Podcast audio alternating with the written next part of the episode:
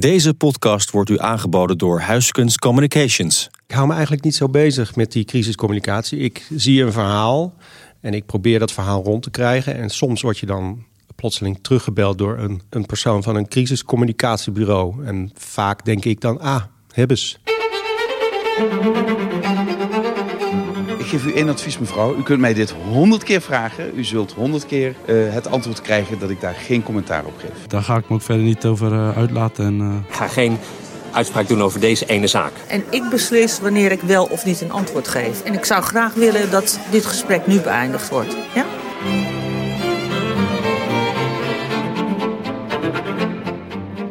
Dit is Geen Commentaar. Een podcastserie van Adformatie over crisiscommunicatie. Over hoe bedrijven, organisaties en personen zich staande kunnen houden in een crisis. Want welke strategie moet je als communicatieadviseur volgen? En waarom is het toch handig om net dat ene interview te geven? En hoe krijg je de regie weer in handen? Vragen waarin we in deze serie antwoord op hopen te krijgen. Mijn naam is Frank Kromer en in deze aflevering het obstakel dat woordvoering heet.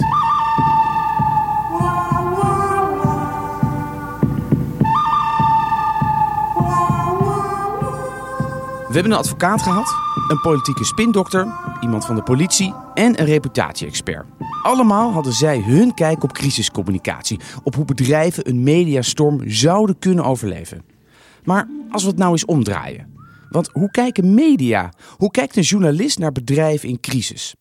Iemand die een ja, wel neusje heeft voor schandalen is verslaggever Bart Mos van de Telegraaf. Fraude, omkoping, slecht bestuur, noem het maar op als je er een artikel in de wakkerste krant van Nederland over leest, is de kans groot dat zijn naam erbij staat. Mos is niet het type journalist dat naar een opening van een dierentuin wordt gestuurd, bijvoorbeeld. Nee, ik ben niet naar een opening van een dierentuin geweest, wel naar de apenhul gestuurd. Uh, een keer toen al mijn bronnen waren opgedroogd uh, in een AIVD-affaire. Geen aapjes, maar AIVD dus. Maar goed, om te weten hoe een journalist als Bart Mos naar bedrijven in crisis en hun communicatie kijkt, reed ik naar de basisweg waar sinds jaren dag de redactie van de Telegraaf bivakkeert. Wat ik van Bart wilde weten is, wat gaat er door hem heen als hij een bedrijf belt en aan de andere kant hoort hij de stem van een crisiscommunicatie-expert? Het is een bevestiging van het verhaal waar je al mee bezig bent. Hè? Dat, dat er dus blijkbaar iets groots aan de hand is. Dat er dus blijkbaar budget wordt vrijgemaakt om een duur, vaak duur communicatiebureau in te huren. Het kan ook zijn dat het bedrijf gewoon geen communicatieafdeling heeft. Dus dat ze dat altijd uitbesteden. Maar ja, voor mij is het een soort bevestiging van... Uh, hey, hier is iets los. Vind jij dat bedrijven altijd moeten reageren? Of hè, wat je vaak ook ziet, is dat je, ze jou geen commentaar geven? Ja, nou voor mij maakt het niet zoveel uit uh, of bedrijven reageren of niet. Het hangt ook wel een beetje af van de informatie die je hebt. Hoe hard is die informatie? Kun je enige bevestiging krijgen, het bedrijf, van wat er uh, aan informatie naar jou toe is uh, gekomen? als, het, als het zeer schadelijk is voor het bedrijf, dan ja, sommige bedrijven verkiezen er dan voor om uh, niet te reageren of pas heel laat te reageren. Gebeurt dat vaak eigenlijk? ja, het is, nou ja, het is heel erg onprofessioneel natuurlijk om niet terug te bellen. En je weet eigenlijk van tevoren bij sommige situaties, bij sommige bedrijven, die zijn zeer professioneel, maar bellen desondanks niet terug. Uh, die, die gokken erop dat als ze niet terugbellen, dat er dan ook niet gepubliceerd wordt. Omdat er dan geen wederhoor heeft plaatsgevonden. Maar ja, daar heeft wel wederhoor plaatsgevonden. Wij zullen dan ook gewoon gaan publiceren. Alleen we vermelden erbij dat er geen reactie is ontvangen van, de, van het betreffende bedrijf. Um, er zijn heel veel bedrijven die nog steeds denken dat als ze niet terugbellen, dat er dan ook niks gepubliceerd wordt. Ja, ook wonderlijk vind ik dat. Voor jou is het natuurlijk ook heerlijk als jij de 06 hebt uh, van de CEO, dat jij meteen kan bellen en, en dat hij opneemt en dan, ja, dan heeft hij jou aan de lijn. Ja. Vaak heb je hem dan in een hoek. Nou, dat, eh, dat, eh, dat hoeft helemaal niet. Als ze een goed verhaal hebben, dan, uh, dan komt dat ook zo in de krant. bijvoorbeeld een recent voorbeeld was met Annemarie Joritsma... die volgens een, een, een, bedrijf in het Westland weet zou hebben van kartelafspraken bij Alliander... waar zij president-commissaris is. Daar heb ik haar over gebeld vorige week... En nou, de telefoon ging één keer over en ze nam op en ze had gewoon een goed verhaal. Um, waardoor het artikel veel genuanceerder in de krant kwam dan uh, zonder een direct contact. Dus ja, ik, het, het, kan ook gewoon goed. Ja, ik bedoel, je kunt gewoon met een journalist praten hoor. Hij zal je niet meteen van je meest dierbare spullen beroven. Natuurlijk, er is ook een andere tactiek.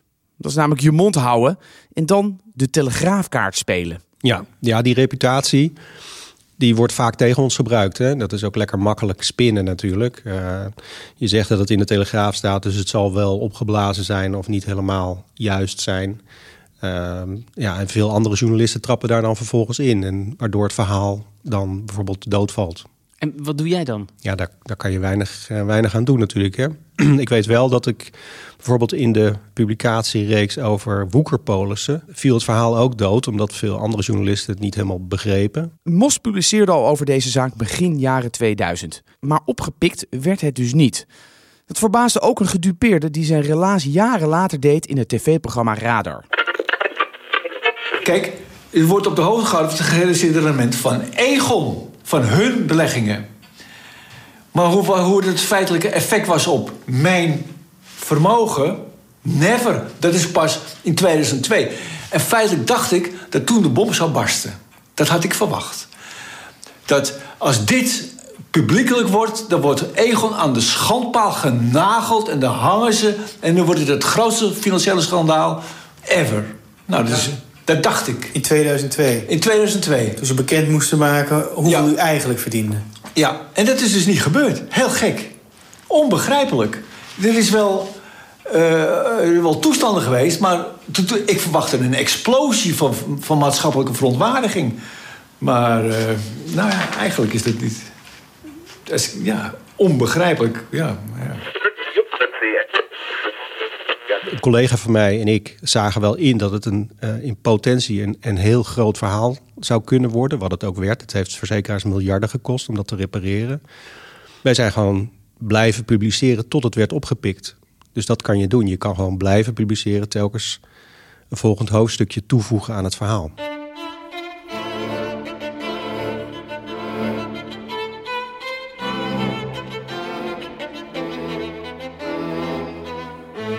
Bart zei het net ook al. Sommige bedrijven of personen denken dus echt dat als ze niet reageren, dat het artikel dan ook niet zal verschijnen. Ik bedoel, in welke wereld leef je dan, vraag ik me af. Een goede les zou dan ook zijn: kruip in de huid van een journalist. Wat zijn de mores? Waarom duikt hij juist nu op dat onderwerp? En dat is iets wat veel bedrijven nog niet begrijpen. Ik had gisteren een gesprek met uh, twee bestuurders van, uh, van uh, PwC, de accountant. En ik vertelde, daar was een soort voorstelrondje. En ik vertelde dat ik eigenlijk natuurlijk meest zit te wachten op schandalen en misstanden. nou, daar waren ze echt geschokt over. En ik, mij verbaast dan iedere keer weer dat bij bedrijven zo weinig besef is wat journalisten drijft. Want deze PwC-bestuurder die zei dus bijvoorbeeld... ja, maar je hebt ook gewoon een taak om te informeren. Natuurlijk hebben wij ook een taak om te informeren. Um, maar die krant die moet gelezen worden. Dus er, als er zich een schandaal aandient... dan zal ik daar bovenop springen. Um, maar blijkbaar uh, zijn niet alle bestuurders ervan doordrongen dat journalisten heel graag schandalen en, en crisis beschrijven en uitzoeken. Leven ze dan toch in die bubbel? Ja, ik denk dat het toch wel met die, met die bubbel te maken heeft. Terwijl deze mensen zelf, neem ik aan, ook geabonneerd zullen zijn op een krant. En graag zullen lezen over die crisis bij die andere bedrijven. En ja, geïnformeerd willen worden over wat die misstanden bij die andere bedrijven dan precies hebben ingehouden.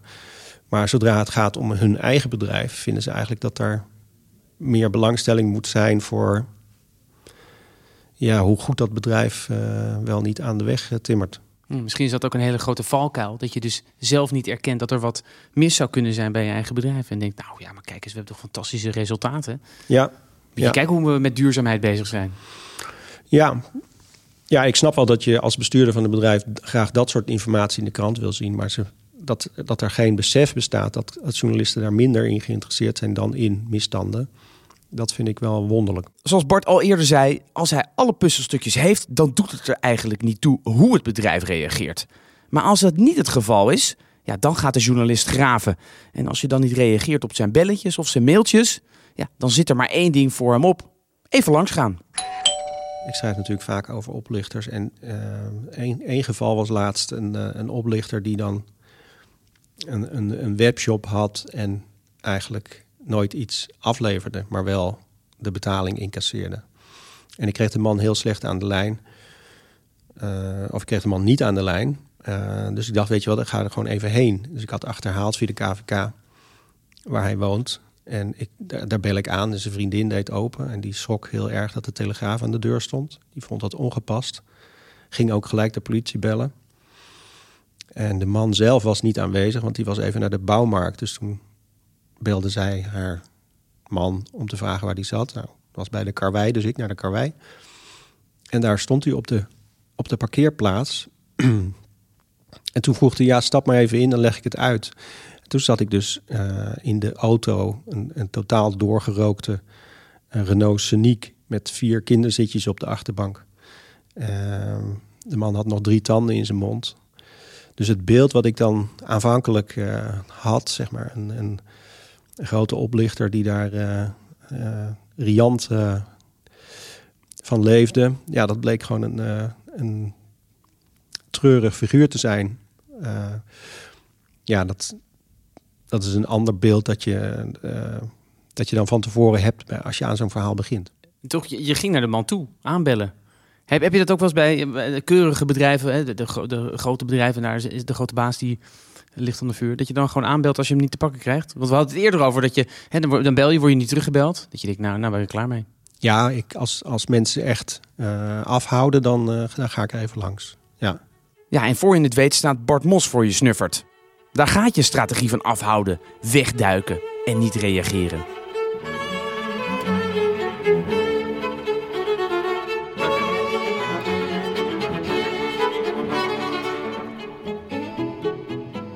Even een stap terug. Want we begonnen met wat er gebeurt als onze journalist een bedrijf belt waarvan hij vermoedt: dit zaakje stinkt. Want hoe weet hij dat er een viezig luchtje omheen hangt? Hoe stuit hij toch op die schandalen? Het antwoord verbaasde mij toch wel een beetje. Vaak zijn er stukken. Uh, uh, mensen weten niet hoe vaak wij gewoon documenten toegestuurd, krijgen, ook uh, van anonieme afzenders mensen hebben belang om iets in de publiciteit te brengen. Dus ik beschik gewoon soms over verslagen, over notulen uh, van bijeenkomsten bij bedrijven of, uh, of uh, vergaderingen van de Raad van Bestuur. Dus ik weet eigenlijk al hoe het gegaan is. Maar heb je daar een speciaal postvakje voor? Wat lijkt me toch wel. Stel je hebt zo'n stuk, dan moet je een telegraaf eh, ter attentie van Bart Mos en dan komt hij gewoon bij jou. Ja, dus het gebeurt is, dat. Dus het is niet meer in de parkeergarage met die, die man met die filterhoed en die regenjas. Nee, nee, nee. Hoewel zich dat ook wel eens heeft uh, voorgedaan. Uh, dat was niet in een parkeergarage, maar een parkeerterrein in, uh, in België. Een overhandigen van een plastic zakje, ja. Ja, toch weer die man in die regenjas. Late in the evening, out in the square, a man in a raincoat. Als hij eenmaal het inhoud van het zakje heeft doorgenomen, dan gaat hij verder op zoek naar andere bronnen. Want ja, één bron is geen bron. En dan, dan is het tijd om het bedrijf of de persoon in kwestie te benaderen. Het klinkt misschien gek, maar voor een bedrijf is het in zo'n geval, in zo'n crisis, handiger om een externe crisiswoordvoerder te hebben. Ook al weet Mos dan meteen, hier is wat los. Ik ken al die crisiscommunicatiemannen uh, en een enkele vrouw ook wel. Maar je moet er natuurlijk niet uh, te dicht bovenop zitten. Maar ik weet wel dat als zij iets vertellen, dan weet ik dat op, op waarde in te schatten. En als je een bedrijf of een, een woordvoerder die in dienst is bij dat bedrijf aan de telefoon hebt, dat, uh, ja, dat praat anders.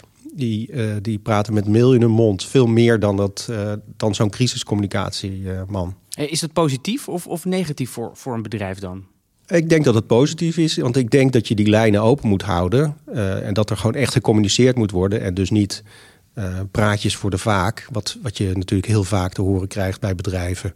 Je stelt een vraag, maar er komt een antwoord. Maar dat is eigenlijk niet het antwoord op de vraag die je gesteld hebt, maar meer afleiding.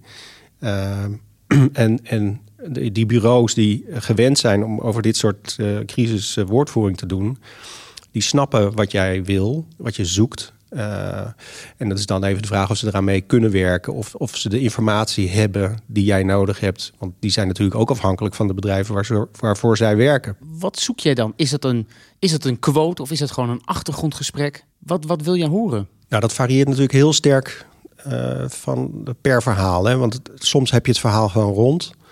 En zoek je alleen nog maar het, het, uh, een reactie van het bedrijf. Dat, dat is eigenlijk uh, marginaal interessant voor het verhaal. Want het bedrijf zal, ja, zal reageren. Maar dat doet eigenlijk niet zoveel. Dat doet er eigenlijk niet zoveel toe. Het is gewoon meer eventjes wederhoor plegen. En, Beetje wederhoor plegen, ja, precies. Het is een, een soort huiswerk uh, of een, een, moedertje, zeg maar, voor elke journalist. Maar soms heb je, heb je wat puzzelstukjes. En probeer die, van die puzzelstukjes probeer je een, een, een, een, verhaal en een duidelijk plaatje te krijgen van wat er aan de hand is. En dan heb je het bedrijf natuurlijk wel nodig. Uh, dus in, in die gevallen ja, is het van belang om, om die informatie uh, te verkrijgen. Ofwel via die crisiscommunicatie man, ofwel via het bedrijf zelf. Maar het lijkt me ook dat mensen wel eens bang voor jou zijn. Hè, als ze met jou gaan praten, dat ze denken... oh jee, als ik maar niet per ongeluk iets verkeerd zeg. Ja, dat, dat kan zomaar gebeuren. Dat gebeurde bijvoorbeeld bij KPMG... waar we een, een reeks artikelen over hebben geschreven. Met name over misstanden in de top van, van KPMG.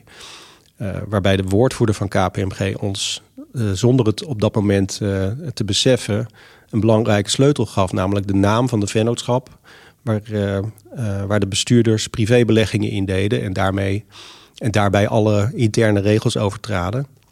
Wij hadden die naam van die vennootschap niet, maar door die naam van die vennootschap te horen, konden wij die puzzel uh, compleet krijgen. En ja, kort daarna moest die bestuurder opstappen. Wat gebeurt er dan als je dan dit hoort en je denkt als woordvoerder, oh jeetje, ik moet gewoon mijn mond houden. Ik moet gewoon alleen maar een e-mailtje sturen voor mij maakt het niet zoveel uit. Ik bedoel, als ik de informatie heb om dat, om dat artikel te publiceren, dan ga ik gewoon door met publicatie.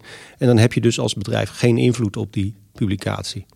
Dus als, uh, ja, als je met een nikszeggend statement komt, dan zal er ook een nikszeggend statement in dat verhaal opgenomen worden. Maar dat, ik denk niet dat je bedrijf daarmee geholpen is. Je kunt dus beter reageren. En ervoor zorgen, zoals spindokter Henry Kruithoff al in een eerdere aflevering zei, dat je een goede relatie met de pers hebt. Bart Mos is het daar roerend mee eens. Ja, dat is natuurlijk logisch. Maar vergeet niet, Mos blijft een taaie journalist. En ja, die heeft nou eenmaal een broertje dood aan woordvoerders. Ja, ik maak wel vaak ruzie met, uh, met woordvoerders. Maar ja. Jullie hebben allebei een ander belang. Een ander belang, dat hoort er een beetje bij.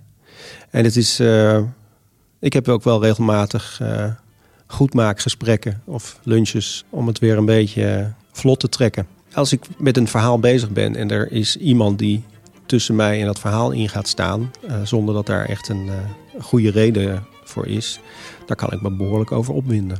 Ja, en het moet hier gewoon weg. Jij wil dat verhaal hebben. Precies, die moet gewoon een stapje opzij doen. Straks kijken we nog naar Victor Muller en zijn spijker en praten we verder over leiderschap. Maar eerst, eerst is het tijd voor een korte boodschap van onze sponsor. Huiskunst Communications werkt al meer dan 25 jaar voor bedrijven en organisaties die actiever en creatiever willen communiceren.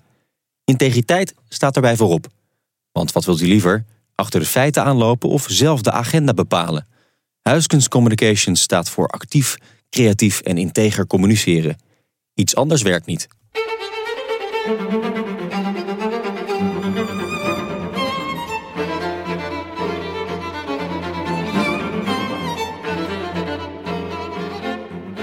Wat is de reden dat u koos voor een Maserati? Ja, wat was de reden? Dat ik het een mooie auto vond. In een van de eerdere afleveringen van Geen Commentaar sprak ik reputatie-expert Paul Stamsnijder. Hij had het uitgebreid over falend leiderschap bij crisissen. Ja, of het nu de Maserati-man Mullenkamp is, of bijvoorbeeld een bestuurder van een instelling van, ja, ik noem maar wat, een crematievereniging. Voor onze telegraafjournalist is falend leiderschap dagelijkse kost. Ja, dat heb ik heel vaak meegemaakt. Veel bestuurders van, van uh, ondernemingen waar ik over geschreven heb, die zaten zelf fout natuurlijk. Dus die, dan zit het daarin in gebakken dat het dus geen goede bestuurders zijn. Maar die waren zelf aan het frauderen. Bijvoorbeeld Hubert Mullenkamp van, van Rochdale. Ik kan me herinneren de eerste keer dat ik hem sprak, nog voor de eerste publicatie. Toen stelde ik hem een aantal vragen en toen stond hij op van achter zijn bureau. En toen zei hij op het graf van mijn overleden vrouw. Het is niet waar wat jij zegt. Uh, nou ja, inmiddels is die veroordeeld. Dat soort organisaties uh, hebben natuurlijk ook communicatieafdelingen die, ja, die kunnen eigenlijk geen kant op, want hun eigen bestuur deugt niet. Natuurlijk, als je baas een boef is, dan valt er voor een communicatieadviseur inderdaad weinig eer te behalen. Maar vaak draait het toch om slecht leiderschap. Om een bestuurder die niet echt kan communiceren. En zoiets komt dan toch vaak tot uiting in een interview. Helemaal als er naast hem een net iets te igere woordvoerder zit die alles probeert te regisseren. Zo'n toneelstukje is voor Mos vaak een bron van vermaak. Wat vaker gebeurt is dat je aan een, aan een ronde tafel zit en de bestuurder zit dan uh, links van je en rechts van je, want daar heb je niet zoveel aandacht voor, zit dan de woordvoerder of het uh, PR-bureau. En die uh, na elke vraag kijkt de bestuurder even naar de, de woordvoerder die aan de overkant zit en kijkt. En dan krijgt hij een knikje of een, er wordt zachtjes met het hoofd geschud om uh, aan te geven uh, welke kant het antwoord op moet, uh, moet gaan. Dat is altijd wel grappig om te zien. Lijkt me ook redelijk pijnlijk voor die bestuurder. Dat hij een soort marionet is. Ja, ja, ja. soms neemt de woordvoerder het woord over zelfs van de bestuurder als die, als die er niet goed uitkomt. maar veel vaker heb je dan na afloop van het gesprek... dan gaat de woordvoerder nog wat duiden. Nou, daar moet ik ook altijd wel een beetje om lachen natuurlijk. Want het gesprek met die bestuurder is dan al geweest. En dan probeert uh, de woordvoerder of uh, het communicatiebureau wat erbij zat, probeert het, het beeld dan nog wat uh, in te kleuren, zeg maar. Maar ja, zoveel valt er natuurlijk niet in te kleuren. Het interview is al geweest en wat gezegd is, is gezegd.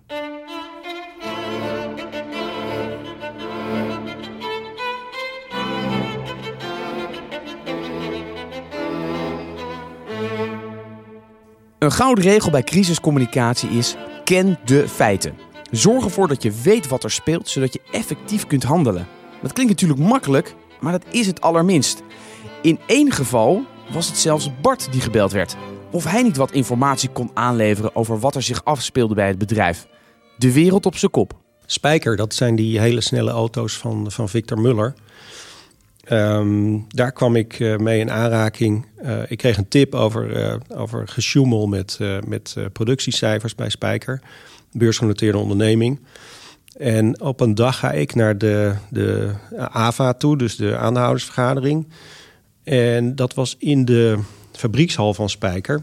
En ik kom aanrijden, ik ben een beetje laat. En ik zie daar iemand lopen die ik ken.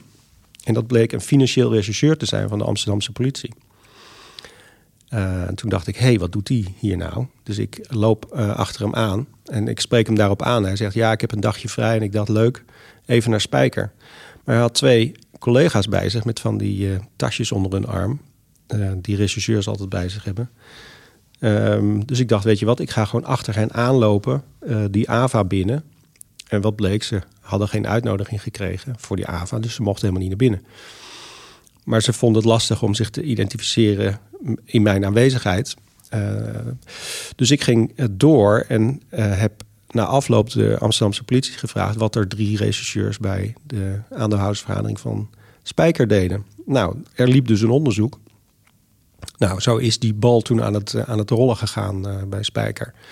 En dat is, dat, ja, dat is een, een mazzeltje natuurlijk, want dat kom je niet vaak tegen dat je een rechercheur herkent bij een aandeelhoudersvergadering van een bedrijf waar toch al wat uh, verdenkingen zijn. Wat kreeg je dan voor reactie van Spijker? Want dan ga je natuurlijk ook naar Spijker toe. Eh, de, de advocaat belde op. De advocaat van Victor Muller.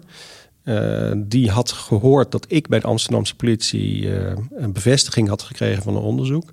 En die wilde van mij informatie hebben, want die zag natuurlijk zijn, zijn cliënt nu in het nauw komen. althans, er stond een publicatie aan te komen waardoor zijn cliënt mogelijk eh, beschadigd zou raken. En die wilde van mij weten wat de Amsterdamse politie had gezegd. Dus ik werd plotseling eh, de informant van de advocaat. Dat was ook wel interessant. Niet dat ik hem iets verteld heb natuurlijk. Maar...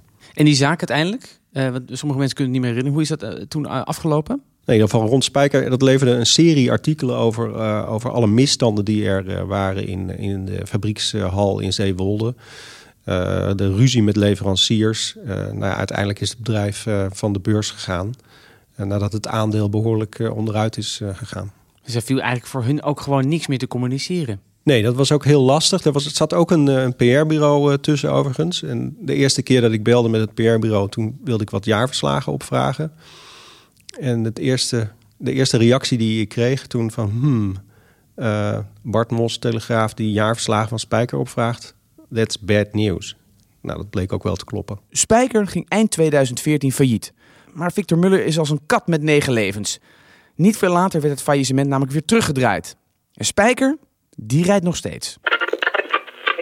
Hij is niet dood, hij leeft. Victor Muller en zijn automerk Spijker. Tenminste, als we Muller mogen geloven. Afgelopen weekend namelijk probeerde hij zijn nieuwste spijkermodel, de C8 Predator, ik hoop dat ik het goed uitspreek, aan de man te brengen.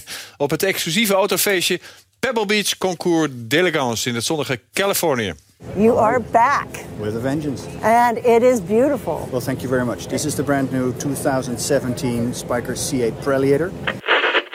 Kortom, als je als bedrijf denkt dat je een publicatie kunt tegenhouden door niet te reageren op vragen van een journalist, want er is immers geen wederhoor gepleegd, dan moet je jezelf toch echt eens goed achter de oren krabben. Wat wel aan te raden is, probeer in de huid van de journalist te kruipen. Dan begrijp je veel beter waarom hij juist over bepaalde onderwerpen en misstanden schrijft. En vergeet niet, het verhaal is heilig. Dit was geen geen commentaar. In de volgende aflevering en de laatste van dit seizoen staat het bedrijfsleven centraal. En daarvoor spreek ik met iemand die voor het bedrijf met de allerslechtste reputatie ter wereld heeft gewerkt. Wil je nu niks missen? Abonneer je dan op onze podcast via iTunes, Spotify of via Adformatie. Mijn naam is Frank Kromer. Tot de volgende.